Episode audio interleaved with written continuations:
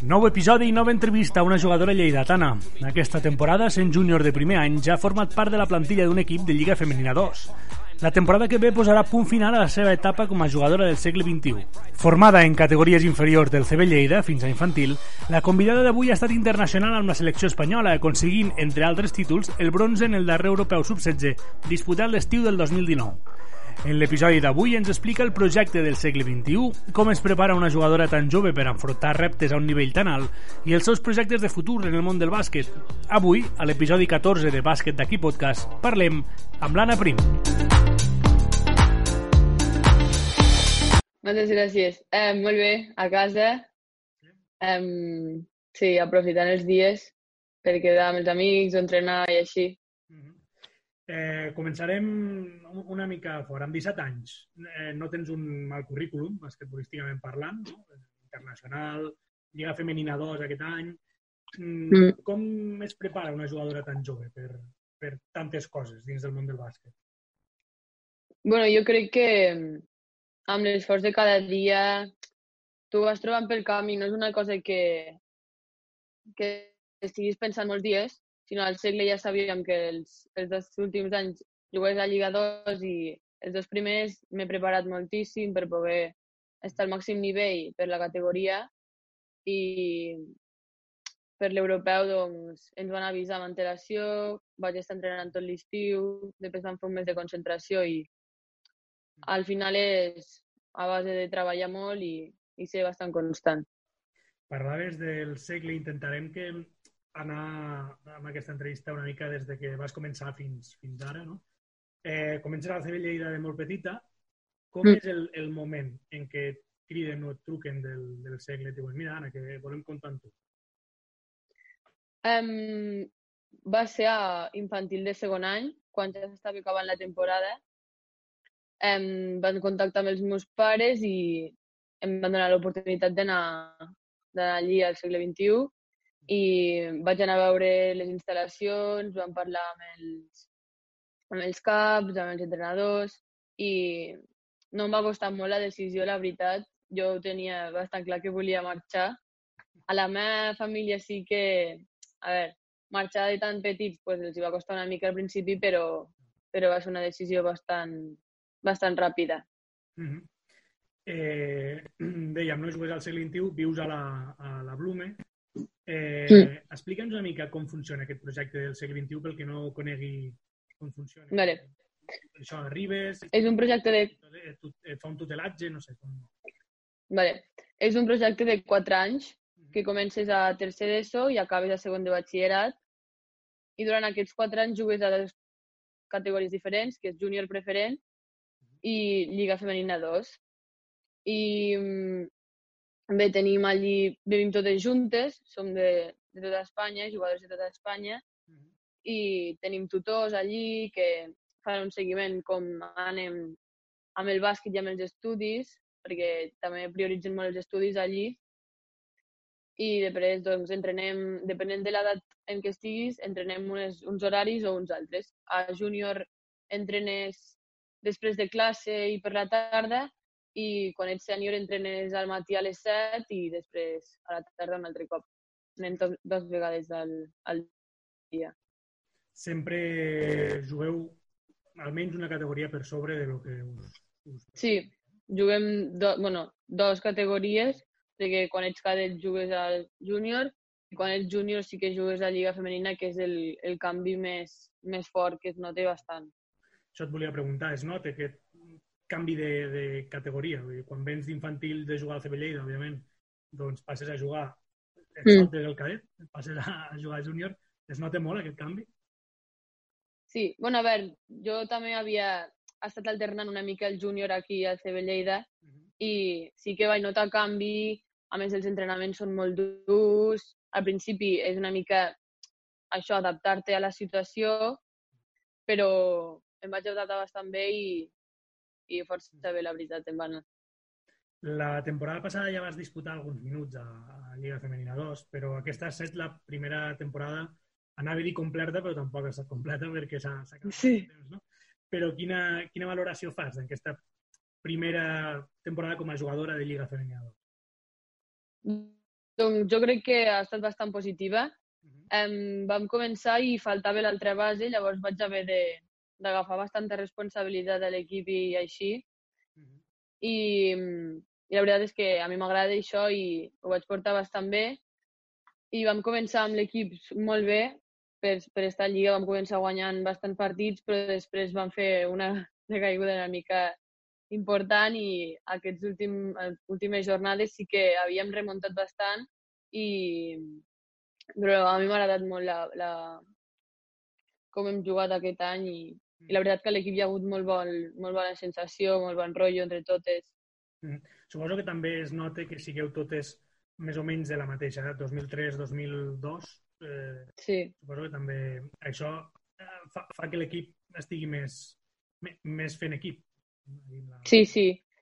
Està clar, nosaltres tenim uns objectius i sabem que per aconseguir-los hem d'estar totes molt unides, hem de fer el nostre joc perquè és bastant diferent al de, al de la resta dels equips, perquè són sèniors, són jugadores grans, són atlètiques totes i nosaltres no tenim aquests físics encara. Però bueno, és el que intentem cada dia i, i ho intentem fer el millor que podem. Ara que em parlaves del físic i parlant també d'aquesta aturada de, pel, pel coronavirus, pel Covid, eh, quan us avisen de que la temporada no seguirà, eh, què feu? Us quedeu allí? Marxeu totes cadascuna a casa seva? Com, com ho plantegeu? Sí. Nosaltres, com que vivim en una resi i van haver tancat totes les residències i tot, doncs ens van, ens van enviar cap a casa a totes, uh -huh. però la veritat que ens han anat passant plànings cada dia, havíem de fer uns entrenaments, tècniques... O sigui, el ritme no l'hem... Per... Això t'anava a dir. Hem perdut el ritme... Com heu fet per mantenir les rutines aquestes de, a veure, és, ha sigut diferent, sí, ha sigut diferent perquè la situació és el que, el que ens ha donat, però a casa hem, anat, hem estat fent gimnàs, les preparadores ens han enviat rutines, també ara estem entrenant cadascú com pot, però estem entrenant totes i per no perdre la forma i... Sabeu, o heu parlat ja ara que ja estem en aquesta fase 3, tant a Barcelona com, com a Lleida, quan torneu a, a reincorporar-vos, sabent que no, hi ha, que no hi haurà campionats internacionals ni hi ha res, quan torneu mm. allí? De moment no sabem dates exactes, mm. però normalment comencem amb, amb l'obertura de, de les classes. Mm -hmm. Sí, normalment comencem el 12 de setembre, però igual aquest any comencem una mica abans per, per agafar sensacions de nou i, i poder estar al, no sé si has, al nivell. Si, si has seguit el tema de FEP durant aquesta quarantena, sobretot Lliga Femenina 2, que sembla que hi haurà més equips.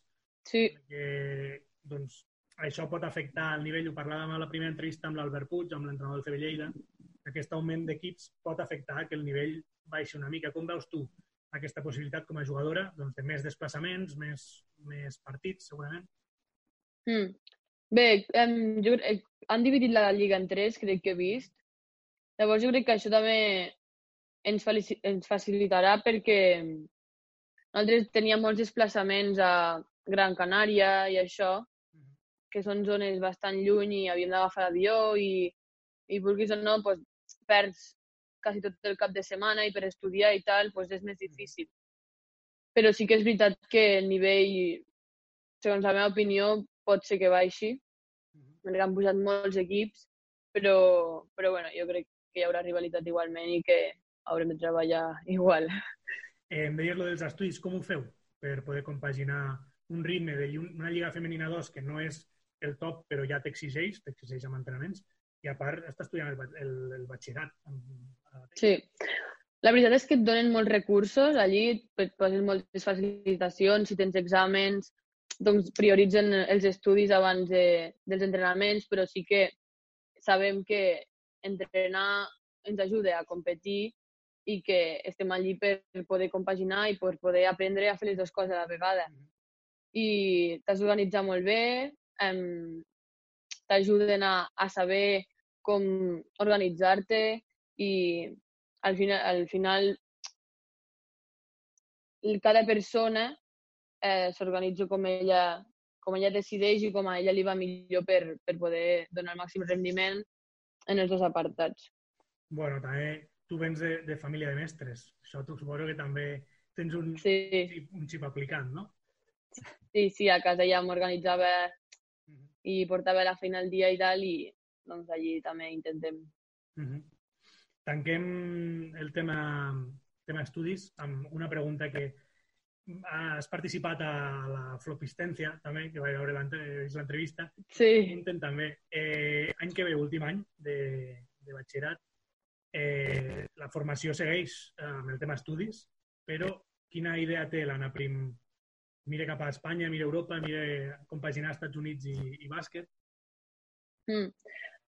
Um, doncs la veritat és que no tant que em portes, o sigui, de moment sigui, al 100% no sé què vull fer encara, però sí que tinc, tinc ganes, tinc l'oportunitat, jo crec, de, de marxar als Estats Units i poder compaginar els estudis amb el bàsquet, que ho fan molt bé, la veritat, et donen una oportunitat molt gran i, i la veritat és que m'agrada molt i poder provar-ho, doncs, jo crec que seria el millor.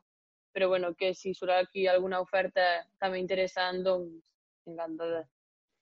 Una oferta que podria agradar a la gent de bàsquet de Lleida seria pues, que tornes a ir a Lleida, no? En aquest cas seria el Cedis, Bernat Canut, i llavors sí. parlar d'Europeu 19 primer, abans de preguntar-te per Bernat i, i de més eh, Europeu 19 vau fer, vau fer bronze. Jo, de fet, no sé si recordes, jo vaig parlar amb tu mentre es preparaves aquí amb Gerard Encuentra eh, mm. en la prèvia.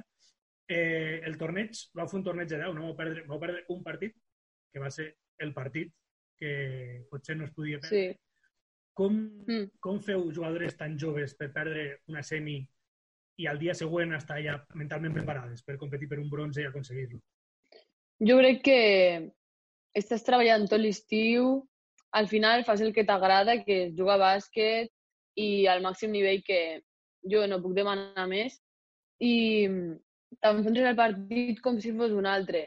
O sigui, sí que tens els nervis aquells que dius, ostres, és un semis o és un tercer i quart lloc, però he estat treballant tot l'estiu, amb totes juntes, anem a fer-ho i, i res, el millor que saps, intentes aportar el màxim a l'equip i, intentes ajudar en tot, lo, en tot el que puguis. Mm -hmm. I dèiem, abans de fer-te la pregunta, eh, us va dirigir Bernat Canut. Aquell mm. tens contacte, de fet, amb els dos entrenadors de futur de, del bàsquet lleidatà, Bernat Canut i, i Gerard Encuentra. Què tal, què tal amb els dos? Doncs amb el Gerard, la veritat que estic molt agraïda. O sigui, va fer un treball de 10 amb mi abans d'anar a l'europeu, em va preparar superbé, entrenàvem cada dia. Eh, la veritat és que superbé i amb el Bernat durant tot l'europeu em va donar molta confiança, ens va ajudar moltíssim.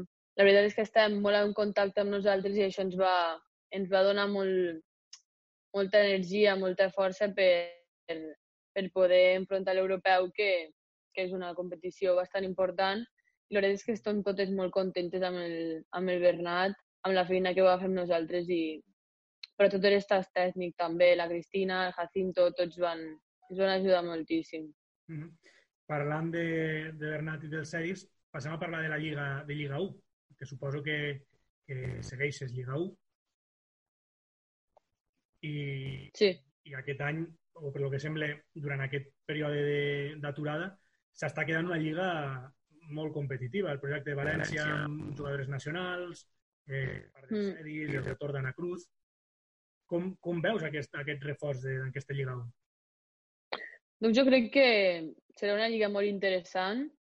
Sí, ja ho està, aquests últims anys ja està pujant molt el nivell, um, però aquest any jo crec que farà un salt i que hi haurà gent amb molta qualitat i que serà una lliga molt igualada i que al final poder representar el bàsquet femení d'aquesta manera doncs és, un, és un orgull i que hi hagi gent així i donant tant per, per aquest esport i, i ja el València, per exemple, ficant al mateix nivell el femení que el masculí, doncs, doncs és un pas que a la gent que el practica doncs, ens agrada molt. Això et volia preguntar, i de fet ho, ho li he preguntat a les, a les jugadores dels estats, que estan als Estats Units, les jugadores lleidatanes de les últimes entrevistes, sembla que, que al bàsquet espanyol doncs el, el bàsquet femení, per algun motiu, bueno, no ho sembla, de fet ho està, està eh, comunicativament un pas endarrere del, del masculí sobretot de la CB. Després, amb l'Epor i Lliga Femenina 1, doncs, més o menys. Mm, quin creus que pot ser el motiu o quina creus que pot ser també la, la solució per fer una passeta endavant en aquest bàsquet femení? No et dic equiparar-ho a una CB, on estan, el bàsquet nacional està una mica perjudicat, però quin creus que, com a jugadora, que, que li falta en aquest bàsquet femení? Doncs jo crec que és lo de sempre. El, el masculí sempre ha tingut més visualització que el femení, sempre ha tingut més recursos, i jo crec que ara estem demostrant que el femení també, també hem de tindre aquest, aquesta repercussió que té el masculí i que, i que podem estar a l'altura, o sigui, evidentment que podem estar a l'altura. I, no sé, suposo que seria donar-ho més cap a l'espectador o alguna cosa així que i poder igualar una mica més.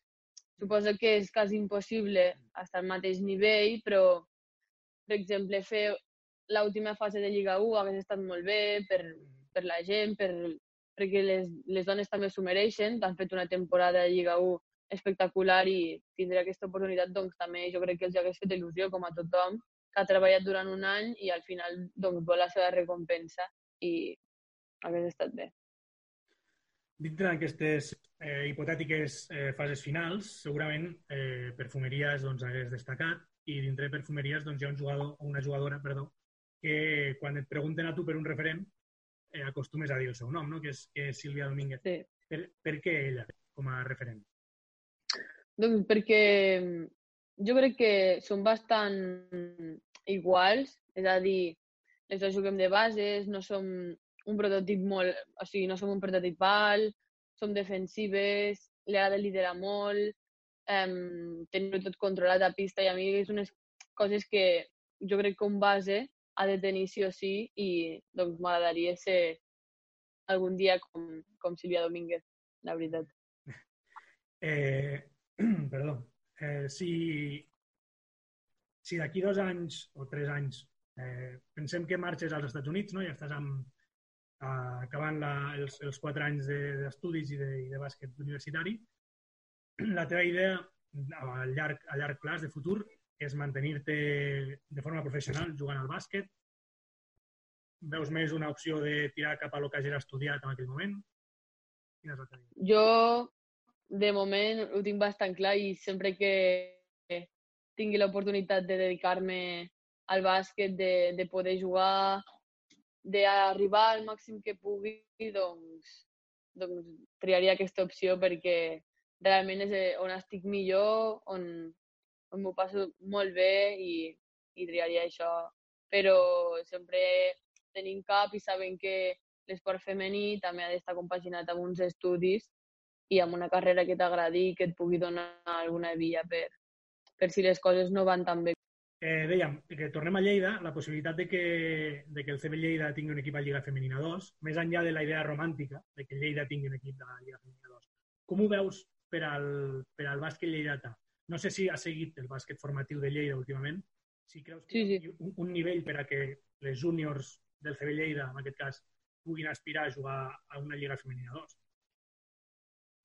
Sí, a veure, jo des de la part romàntica sí que vull que, que pugin, o sigui, em faria molta il·lusió i a més jo crec que s'ho mereixen, de veritat, perquè fa anys que lluiten, fa anys que estan a dalt la Copa Catalunya i que es mereixen tindre una oportunitat perquè el bàsquet lleidatà jo crec que és molt gran i que tindria jugadores amb capacitats per jugar en Lliga Femenina 2 i també li donaria un, un toc al, al bàsquet femení que la gent pogués animar-se a veure'l i, i així i jo crec que seria una gran oportunitat per, pel club perquè de veritat que és un club que, que s'ho mereix, que treballa molt des de la base. Um, jo he estat aquí, bueno, vaig començar als sis anys i des de ben petita doncs, els valors que, que transmet i tot són, són molt guais i, i jo crec que estaria molt bé que pugessin. Com a, després de la teva experiència a Lliga Femenina 2 aquest any, suposo que has jugat amb equips que pujaven de Copa. Eh, creus que és molta la diferència de Copa a Lliga Femenina 2? Jo crec que es nota perquè a Lliga Femenina 2 jo crec que ja els fitxatges són més, més grans, hi ha jugadores dels Estats Units que la veritat és que es nota que tenen uns físics potents, que hi ha jugadores que la veritat és que estan a un nivell molt, molt alt, que potser al Copa no hi és tant, però jo crec que si estàs mentalitzada de que has pujat de categoria, suposo que és perquè l'equip s'ho mereix i està en un alt nivell. Llavors jo crec que es podria fàcilment acostumar a la Lliga i... I de cara a la temporada que ve, què, què esperes a Lliga Femenina 2? El que jo he pogut anar veient, sobretot, és, és referent al, al Barça, al CBS, fitxatges com pues, Ainhoa López, la pivot turca aquesta que han anunciat que mm. és més de dos metres. Com, quin, quin nivell esperes en aquesta Lliga 2, més enllà de lo dels grups que hem parlat abans? Eh?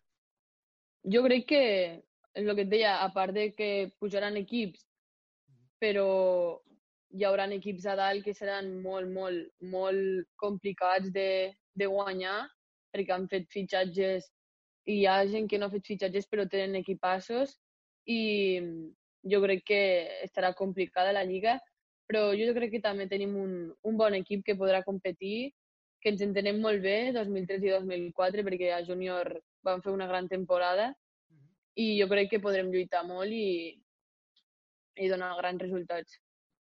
Perfecte, doncs moltes gràcies, Anna, per haver volgut entrar aquí a, a Bàsquet d'aquí. Moltes gràcies a tu.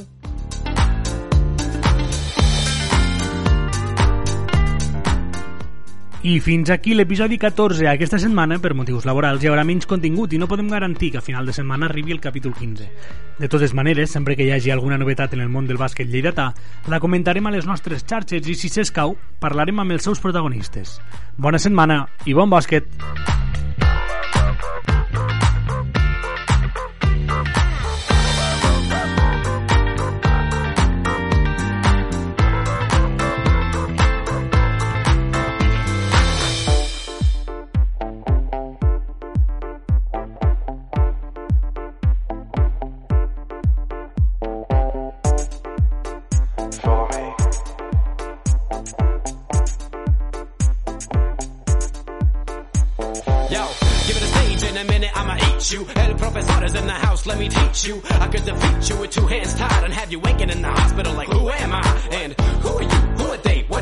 You wouldn't believe how someone react to this shit. The mind slips, slips, slipping, speaking in tongues. Sly ink, GVA, that's how we get it done. Uh, that's how we get it done. Uh, that's how we get it done. Uh, that's how we get it done. Sly ink, GVA, that's how we get it done. Uh.